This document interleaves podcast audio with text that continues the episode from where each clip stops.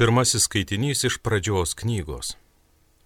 Prie Mamrės giraitės viešpats atėjo pas Abraomą, kai tas per patį vidudienio karštį sėdėjo savo palapinės angoje. Pakėlęs akis, Abraomas pamatė priešai save štai stovinčius tris vyrus. Juos išvykęs išbėgo jiems priešais iš palapinės angos, parpuolė ant žemės ir tarė. Viešpatie, jei esu radęs tavo malonę, neaplenk savo tarno paduos jums vandens. Nusiplaukite kojas ir po medžių patogiai įsitaisykite. O aš jums atnešiu užkasti ir kiek pasistiprinę galėsite keliauti toliau, juk to ir užėjote pas savo tarną. Jie atsiliepė, daryk, kaip kalbėjai. Abraomas nuskubėjo palapinin pas Sarą ir jai sušuko to jau užmaišyk tris saikus gerų miltų ir iškepk papločių. Paskui nubėgo prie gyvulių, paėmė švelnų ir dailų veršiuką ir padavė tarnui, kuris jį skubiai pagamino. Tada Abraomas paėmė sviesto, pieno bei pagaminti lieptą veršiuką ir patiekė jiems. Patsai patarnavo po medžiu, kol jie pavalgė. Tada jie paklausė jį, o kur tavo žmona Sara? Tasai atsakė, tenai palapinėje. Ir viešpats jam tarė, po metų aš vėl pas tave užsuksiu, tada tavo žmona Sara turės jau sūnų. Tai Dievo žodis.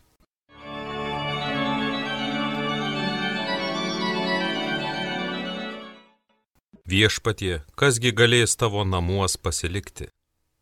Tasai, kas nesuteptas vaikšto, kas elgesi teisingai, kas iš širdies kalba tiesą, kas liežuvio nei vieno nešmeižė. Viešpatie, kasgi galės tavo namuos pasilikti, kas kitam nieko piktą nedaro, neužgaulioja kaimyno, kas griežtai nedorelį smerkia, o viešpaties bijančius gerbė. Viešpatie, kasgi galės tavo namuos pasilikti. Kas be palūkanų skolina, nepriima kyšių prie žmogų nekaltą, Kas šitaip elges, bus tvirtas per amžius. Viešpatie, kasgi galės tavo namuos pasilikti.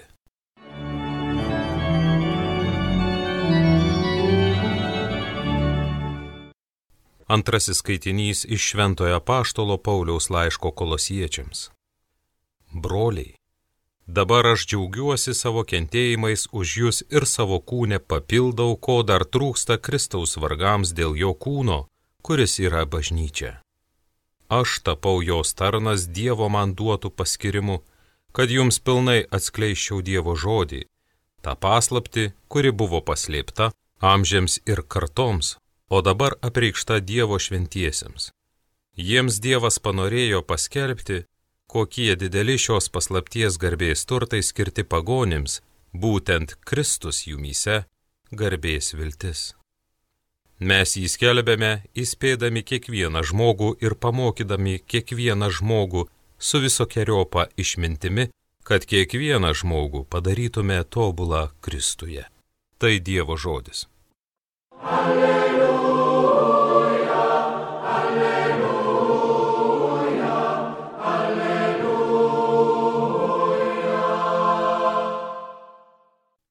Palaiminti, kurie Dievo žodį išsaugo geroje širdyje ir duoda vaisių kantrumu. Alleluja, alleluja, alleluja.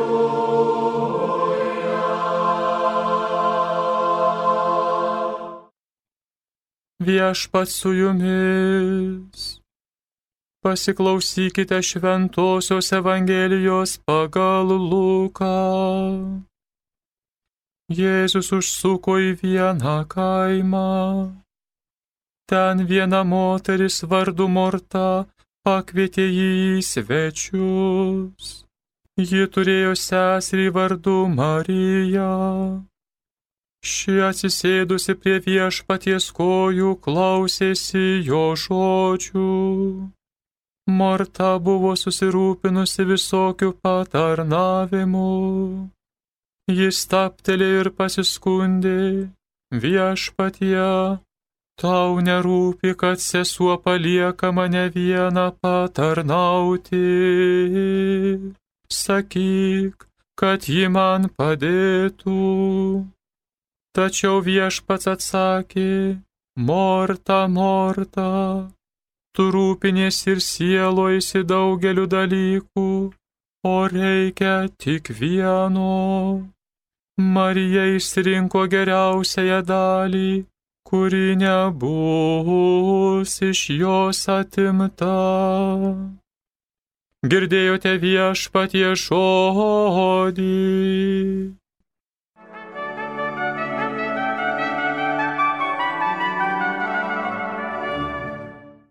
Mėly Marijos radio klausytojai, šiandien šventajame rašte Mortos ir Marijos asmenyse matome išorinio ir vidinio gyvenimo vaizdus. Šeimininkaujanti Morta, paskendusi rūpeščiuose ir labai nerami. Tiesiog matomas jos susierzinimas prieš seserį Mariją. Ji net pasako Jėzui, Viešpat, ar tau nerūpi, kad sesuo palieka mane vieną patarnauti? Kodėl ji to nepasako Marijai? O Marijos laikysena yra tapusi krikščioniško vidinio gyvenimo pavyzdžių. Dažnai, labai dažnai krikščioniškas mąstymas vidinio gyvenimo tiesą ir gilį prieš pastato išoriniai veiklai, net pačiam uoliausiam rūpestingumui. Palyginkime ir mes abi moteris, Morta ir Marija, apie kurias pasakoja šiandien Lukas. Pirmiausia, Morta, ji tarnaitė, jos kelias tarp viryklės ir indų plovimo. Ji vaikšto, skuba, jos rankose šaukštas ir mazgotė, o Marija sėdi prie viešpatės kojų. Viešpatės mokinių vieta - sėdėti prie viešpatės kojų ir klausyti jo žodžio. Taigi Marija pakyla į viešpatės mokinių būklę. Iš tiesų, ji tarsi susivienyje su ta tikrąją moterimi išrinkta būti Dievo Sūnaus motina mergelė Marija. Bet mergelė Marija taip pat prisipažįsta, štai aš viešpatės tarnaitė. Taigi ji ir mokinė, ir tarnaitė. Reiškia, jis suderina abu dalykus. Gyvendama maldos gyvenimą, būdama visiškai atsidavusi Dievui, ji išlieka visur veikli. Ji ir stebuklų pradininkė kanoje vestuvėse, ji ir po kryžiumi stovi prie viešpatės kojų. Tas jos buvimas prie viešpatės kojų nuveda ją su apaštalais laukti šventosios dvasios. Dievo motina yra ir mokinė, ir tarnaitė, kaip Morta, tarnaitė. Jis sugeba būti ir tyloje, maldoje, ir tarnauti, darbuotis. Čia turime savęs paklausti, ar mano gyvenimas panašus, ar mano gyvenime yra tokių dalykų, kaip aš elgiuosi, prie kieno kojų sėdžiu, kieno esu mokinys, kieno žodžio klausau. Būtina taip pat klausti savęs Kaip aš suderinu veiklą ir maldą? Negalima, negalima mortos tik peikti. Tikėjime reikia abiejų dalykų. Abiejų. Ir tylos, ir Dievo žodžio klausimo. Ir reikia tarnavimo kitiems. Šventasis Benediktas pabrėžia tuos du dalykus - orą et laborą. Melskis ir dirb. Kartais net maldose žmogus pasidaro kaip karikatūra. Taip laksto visokius šventus renginius, kad nebepadaro būtino darbo. Pažinau net vieną moterį, kuri visai nesirūpino vaikais, tik lakstė po visokias pamaldas. Iš tokių tada šaipomasi, kai prie darbo reiks skubėti, ima poterius kalbėti. O kartais, kartaisgi žmogus ir norėdamas negali dalyvauti pamaldose. Kaip aš neprisiminsiu savo mamos, kaip jį augino būri vaikų, dešimt, liko paskui septyni, o bažnyčia toli, penki kilometrai per purvinus. Ir vieną kartą sekmadienį, kaip šiandien prisimenu, mama suklupo. Dieve, Dieve. Ir vėl per tuos vaikus, per tuos rūpeščius nebuvau mišiuose. Ir dažnai man taip atsitinka. Daug net pamaldžių moterų nuo ryto iki vakaro ant kojų kaip morta. Jos skūta, pjausto, malas, kalbė, ravi. Dažnai šitas jų darbas daug menkiau įvertinamas už darbą įmonėje, iš kur parsinešamas atlyginimas. O jei reikėtų visiems tiems darbams samdyti, vokiečiai paskaičiavo, kad už namų darbą reikėtų daugiau mokėti negu už visą darbą įmonėse tokia tikrovė. Išeitų, kad ir Jėzus įsijungia į tą bendrą nuotaiką, nuvertinančią moterų ruošą. Neskubėkime, neskubėkime su tokia išvada. Čia juk nėra įprastinis, būtinas, kasdienis ruošos darbas, bet svečio prieimimas. Morta juk net nepaklausė svečio, ar jis nori valgyti. Tai priminimas mums visiems, kad mes daug ką darome kitam, net neklausdami, ar jam to reikia. Gal net vyras parės iš darbo kartais labiau užvalgė reikalingas pokalbio. Gal vaikams tėvo pabendravimo labiau reikia už jo parnešamus uždirbtus pinigus. Gal mūsų lakstimas su kava atėjus draugui svečiui absoliučiai nereikalingas. Taigi, neklausdama, Morta rūpinasi ne tik Jėzumi, ji rūpinasi savo gerų vardu. Ji nori prieš Jėzų pasirodyti svetinga, kad Jėzus būtų patenkintas. Taip ir mums dažnai atrodo, kad stengiamės dėl kitų, bet iš tikro rūpinamės savo gerų įvaizdžių, kad žmonės apie mus gerai atsilieptų. Dažnai tokiu savimilos rūpeščiu sieną nuo kito žmogaus pasistatome. Mūsų savimėla užstoja dėmesį jam, jo tikrų problemų nebematome. Na ir paskutinis svarbiausias dalykas - neužmirškime, kad pirmenybė visam kam turi būti Dievas. Marija ir žinojo tai. Ir visus rūpeščius geriausia pavesti Dievui.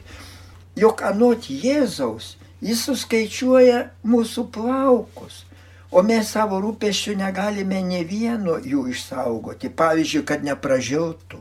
Žmonėms vis skundžiantis dabartiniais bedieviškais ir sunkiais laikais, popiežius Jonas 23 šventasis kartą nusišypsojęs pasakė, o aš Dievui dėkoju kiekvieną dieną, kad jis man leido gyventi tokiais įdomiais laikais. Tuo popiežius norėjo padrasinti žmonės. Jeigu išsirinkom ryšį su Dievu, paskirim savo laiką Dievui, išsirinkom geriausiąją dalį, kuri nebus iš mūsų atimta. O šių dienų problema, kad žmonės pamiršta Dievą ir didžiuojasi savo gale, savo išmintimi. Tada nesusimastų, jog eidami be Dievo pralaimi. Visi turbūt žinome Titaniko laivą. Skelbė, kad niekas to laivo negalėtų paskandinti. Ir žinome, kad tai baigėsi tragedija. Praėjus keletui dienų po to, kai nuskendo Titanikas, amerikiečių laikraštis North Atlantic vieną šalia kitos išspausdino dvi fotografijas. Pirmoje buvo matoma Lietkalnio pramušta keurymė laivo šonė. Po ją buvo parašyta žmogaus silpnumas, gamtos stiprybė. Antroji fotografija vaizdavo keleivį užleidžiantį savo vietą gelbėjimosi valtyje moteriai su vaiku ant rankų. Po šią fotografiją užrašas - gamtos silpnumas, žmogaus stiprybė.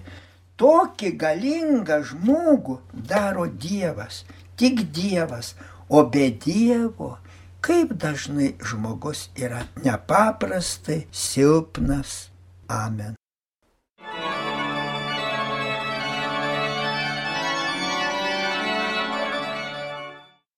Evangeliją gėdojo kunigas daktaras Vilius Sikorskas.